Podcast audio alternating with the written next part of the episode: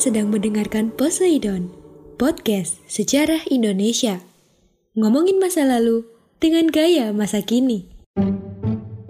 Hai guys, selamat datang di Pose Indo, podcast sejarah Indonesia. Podcast yang akan memberikan berbagai informasi tentang peristiwa-peristiwa sejarah baik yang terjadi di Indonesia maupun di luar negeri. Dan semua yang diceritakan bakal bikin kalian berkata, "Oh, jadi gini ya sejarahnya." Penasaran? Let's listen up. Kalian tahu nggak apa perintah Soekarno ketika pertama kali menjabat sebagai Presiden Indonesia? Ternyata bukan bentuklah MPR, bentuklah DPR, buat keamanan melalui lembaga TNI dan sebagainya. Ternyata bukan itu loh. Nah, perintah Soekarno ketika dia sudah dilantik sebagai Presiden Indonesia, ia meminta bawahannya untuk memesan nasi goreng di abang-abang penjual nasi goreng keliling. Jadi bisa dikatakan itu perintah Soekarno ya. Nah, lalu bagaimana sih Soekarno dan Hatta bisa terpilih menjadi presiden dan wakil presiden? Kita dengarkan dulu bagaimana Indonesia bisa merdeka ya. Kita tarik ke belakang mengenai kekalahan Jepang atas sekutu. Buntut dari Perang Dunia II sejak tahun 1939 menyebabkan dua kelompok negara yaitu sekutu dengan negara-negara fasis mulai berkecamuk. Puncaknya, Perang Asia Pasifik antara sekutu dengan Jepang menyebabkan dua kota di Jepang yaitu Hiroshima dan Nagasaki pada tanggal 6 Agustus dan 9 Agustus 1945 dijatuhi bom atom oleh Angkatan Militer Amerika. Hal inilah yang menyebabkan kekalahan pada pihak Jepang. Bayangin aja bom atom yang sebegitu besarnya dan mengandung nuklir dijatuhkan di pemukiman penduduk di Jepang. Nah, kalau kalian pernah nonton kartun SpongeBob SquarePants dan ada adegan tentang ledakan, pasti di kartun tersebut itu menampilkan sebuah bom yang dijatuhkan di laut. Bentuknya seperti jamur kancing, tapi besar sekali. Nah, hmm, seperti itulah bentuk dari bom atom ketika dijatuhkan. Nah, dari peristiwa tersebut, ribuan orang Jepang meninggal bahkan sampai mengalami kecacatan. Makanya anak-anak yang lahir setelah terjadinya bom atom itu lahir dengan keadaan kecacatan. Bayangin aja ya, kasihan sekali. Nah, luka ini masih membekas di orang-orang Jepang loh ternyata sampai sekarang. Walaupun sudah berganti generasi, hal ini membuat nuklir tidak lagi digunakan dalam sebuah perperangan maupun perlawanan. Nah, karena Jepang sudah kalah, menyebabkan Kaisar Jepang menyerah tanpa syarat kepada sekutu pada tanggal 15 Agustus 1945 dan menjadikan berakhirnya Perang Dunia Kedua. Lalu bagaimana nasib dari Indonesia?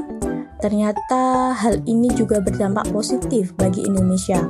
Akhirnya Jepang memberikan janji kemerdekaan untuk Indonesia dan janji inilah Indonesia mulai mempersiapkan kemerdekaan. Nah, kita sudah diberikan janji dan sudah diizinkan untuk mempersiapkan kemerdekaan. Makanya pada tanggal 1 Maret 1945 Jenderal Komakichi Harada mengumumkan pembentukan BPU PKI atau Badan Penyelidik Usaha-Usaha Persiapan Kemerdekaan Indonesia atau dalam bahasa Jepang disebut dengan Dokoritsu Zumbi Chosokai. Nah, tugas dari BPUPKI adalah untuk mempersiapkan semua yang dibutuhkan untuk proklamasi kemerdekaan, di mana anggota BPUPKI itu terdiri dari 60 orang Indonesia, 7 orang Jepang, dengan ketuanya adalah Rajiman Widya Diningrat. Nah, salah satu hal yang harus dipersiapkan dan harus ada di sebuah negara adalah dasar negara. Kita tahu dasar negara kita adalah Pancasila yang terdiri dari lima sila. Ayo kalian harus hafal ya, karena tiap upacara pasti kita ucapkan. Nah, ternyata Pancasila itu mengalami banyak sekali perjalanan dan dikaliku hingga sampai uh, terdapat lima sila yang sering kita kumandangkan sekarang ini. Nah, tepatnya pada tanggal 29 Mei sampai 1 Juni 1945, BPUPKI mengadakan sidang pertamanya. Tentunya dengan tujuan menghasilkan dasar negara. Nah, di sini itu ada tiga orang yang mengusulkan sila dasar negara. Yang pertama, Muhammad Yamin.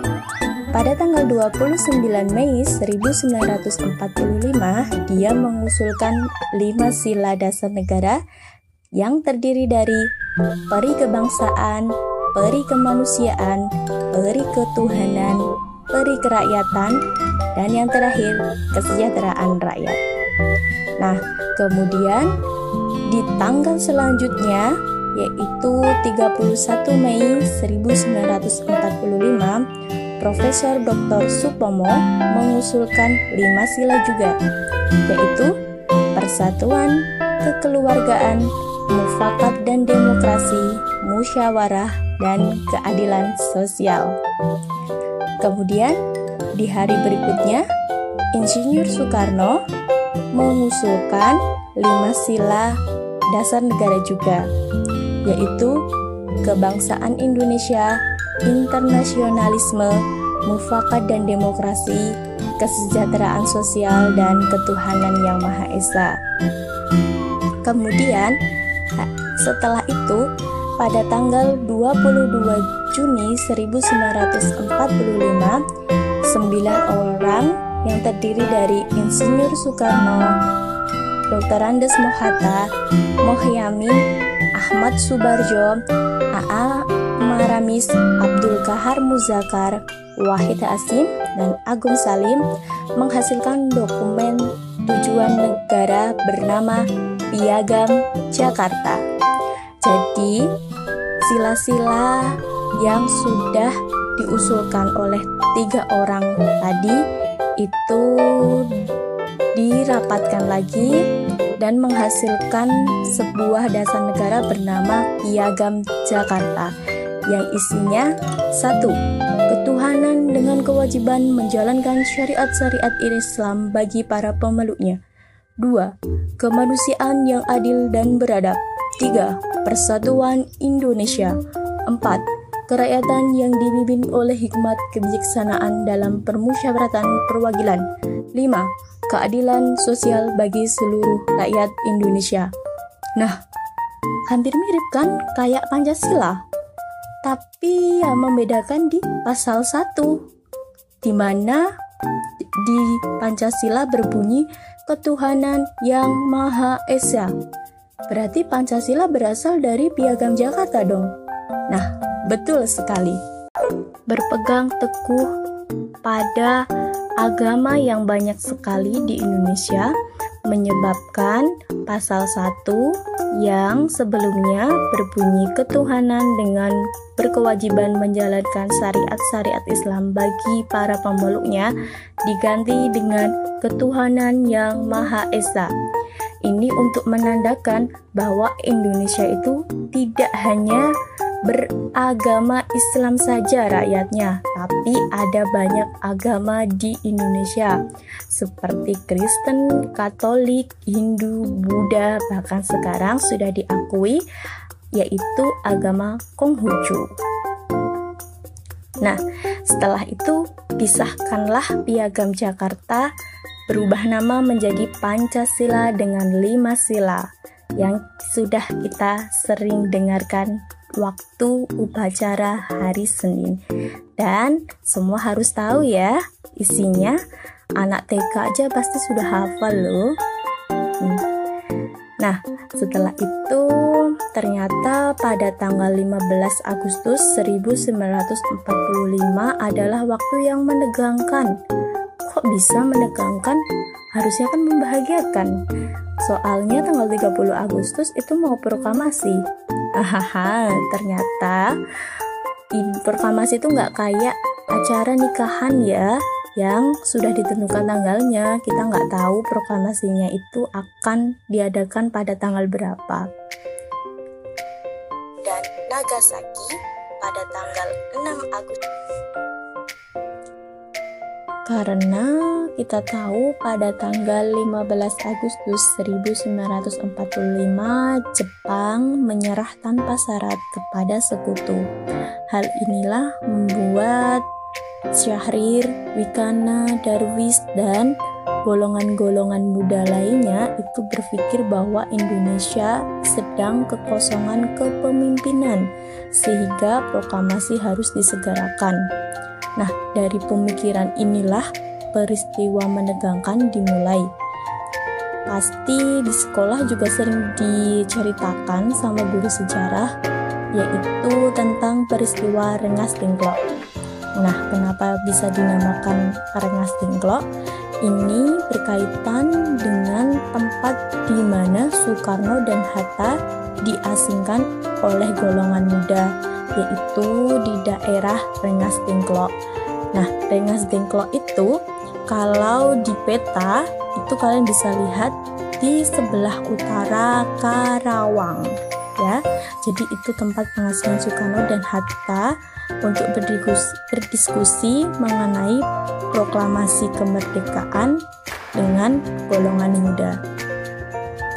Nah, golongan muda ini beranggapan bahwa proklamasi tidak um, usah menunggu rapat dengan Jepang karena nanti ada tanggapan kalau kemerdekaan kita diberikan oleh Jepang. Padahal kita tahu dari zaman penjajahan Spanyol dan Portugis itu kita sudah berusaha dengan sekuat tenaga untuk merebut kemerdekaan dari tangan penjajah.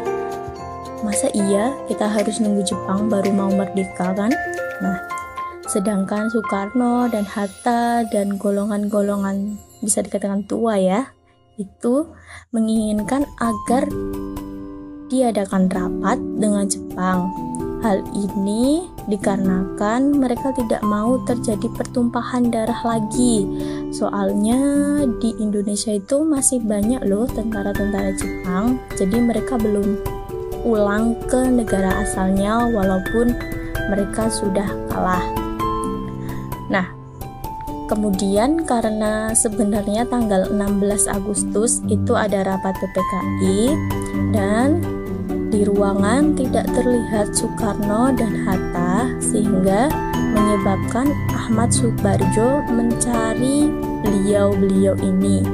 Nah, kemudian Ahmad Subarjo tahu kalau Soekarno dan Hatta itu diasingkan di Rengas Dengklok. Makanya Ahmad Subarjo menjemput Muhammad Hatta dan Soekarno itu di Rengas Dengklok. Nah, kemudian setelah Ahmad Subarjo datang, terjadilah diskusi dengan golongan muda dan diketuklah hasilnya yaitu proklamasi akan segera dikumandangkan besok hari. Yeay. Nah, dari sini disepakati bahwa proklamasi akan segera dikumandangkan ya.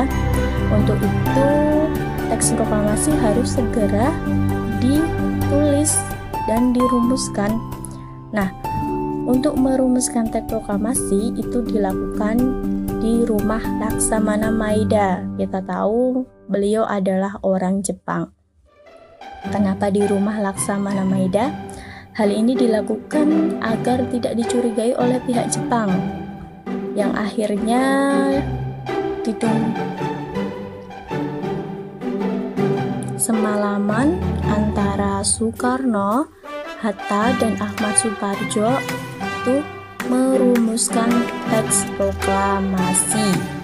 Yang kemudian besoknya akhirnya yang kita tunggu-tunggu terjadi tepat pada pukul 10 pagi waktu Indonesia Barat di Jalan Pegangsaan Timur nomor 56 Jakarta Soekarno mengumandangkan kemerdekaan Indonesia yang kemudian diikuti dengan pengibaran bendera merah putih dan dikumandangkan pertama kali lagu Indonesia Raya sehingga semua rakyat Indonesia berkata merdeka, merdeka, merdeka, yeay. Sorak gembira menyambut kemerdekaan Indonesia begitu disambut dengan sukacita oleh seluruh warga Indonesia. Loh, kok semua warga Indonesia sudah tahu ya, padahal Jakarta di Pulau Jawa. Lalu bagaimana yang di Pulau Sumatera, Kalimantan, Sulawesi, bahkan Maluku? Nah, ternyata penyebaran berita kemerdekaan RI ini dilakukan melalui radio dan surat kabar. Ya, walaupun pada saat itu TV belum ada ya, belum banyak. Terus belum ada HP, apalagi sosial media kayak TikTok, Instagram, dan lain sebagainya. Lebih tenang, ternyata masih ada radio, yaitu Radio Domai yang merupakan stasiun radio milik Jepang yang akhirnya bisa kita rebut oleh tentara Jepang, eh oleh tentara Indonesia untuk menyampaikan berita kemerdekaan Indonesia sehingga kemerdekaan mampu diketahui oleh orang-orang di Sumatera, Sulawesi, Kalimantan, Bali, Lombok, Maluku. Nah, selain dengan radio, ada surat kabar bernama Cahaya dari Bandung dan Suara Asia dari Surabaya juga mulai memuat tulisan mengenai kemerdekaan Indonesia. Setelah banyak daerah tahu kemerdekaan, maka di beberapa daerah mulai melakukan tindakan untuk bergerak mengusir Jepang dari Indonesia. Karena kita sudah tahu ya kalau kita merdeka berarti kita berhak untuk mengusir Jepang-Jepang di Indonesia. Tak terkecuali di daerah Jawa Tengah juga. Perju perjuangan mulai bergerak dengan memindahkan tawanan di daerah Cepiring kalau sekarang itu di Kabupaten Kendal ya itu menuju ke penjara Bulu. Bulu itu di daerah Semarang Kota. Namun dalam perjalanan tawanan Jepang melarikan diri sehingga kantor pemerintahan Jepang mulai direbut oleh pejuang di Semarang. Jadi mereka marah ya. Akhirnya kantornya Jepang di Semarang itu direbut oleh tentara Indonesia. Namun keesokan harinya Jepang balas dendam dengan menyerbu pasukan Indonesia, eh pasukan Indonesia di Semarang. Hal inilah yang juga nantinya akan berbuntut pada pertempuran lima hari di Semarang, ya, yang menyebabkan terjadinya peperangan antara tentara Jepang dengan pejuang-pejuang Indonesia. Nah, begitulah cerita tentang perjalanan kemerdekaan kita dari dimulainya kekalahan Jepang sampai lika-liku dalam menentukan dasar negara sampai menjadi Pancasila. Kemudian ada peristiwa Rengas Dengklok di mana terjadi perdebatan antara golongan muda dengan golongan tua mengenai proklamasi kemerdekaan Indonesia, kemudian sampai ke penyebaran berita kemerdekaan NRI. Oleh karena itu, kita harus selalu menghargai jasa para pahlawan, para pendahulu, para pejuang kemerdekaan Indonesia. Oke, jadi begitulah peristiwa proklamasi kemerdekaan Indonesia. Banyak banget ya yang harus kita lalui dan semua itu pasti tidaklah mudah. Semakin kita punya mimpi besar selayaknya memerdekakan negara, maka semakin banyak rintangan yang harus dilalui. Dan kita sadar kita tidak bisa bergerak sendiri. Butuh persatuan semua bangsa agar kita tak bisa ditindas lagi oleh negara lain. Sama hanya sekarang ini, terutama dalam bidang ekonomi, kita masih dikuasai oleh pasar asing, investor dari luar negeri, dan kita hanya sebagai pekerja saja. Ayo kaum muda, kita harus bergerak dari sekarang untuk masa depan cemerlang. Merdeka! Kita jumpa lagi di lain waktu. Bye-bye. Terima kasih.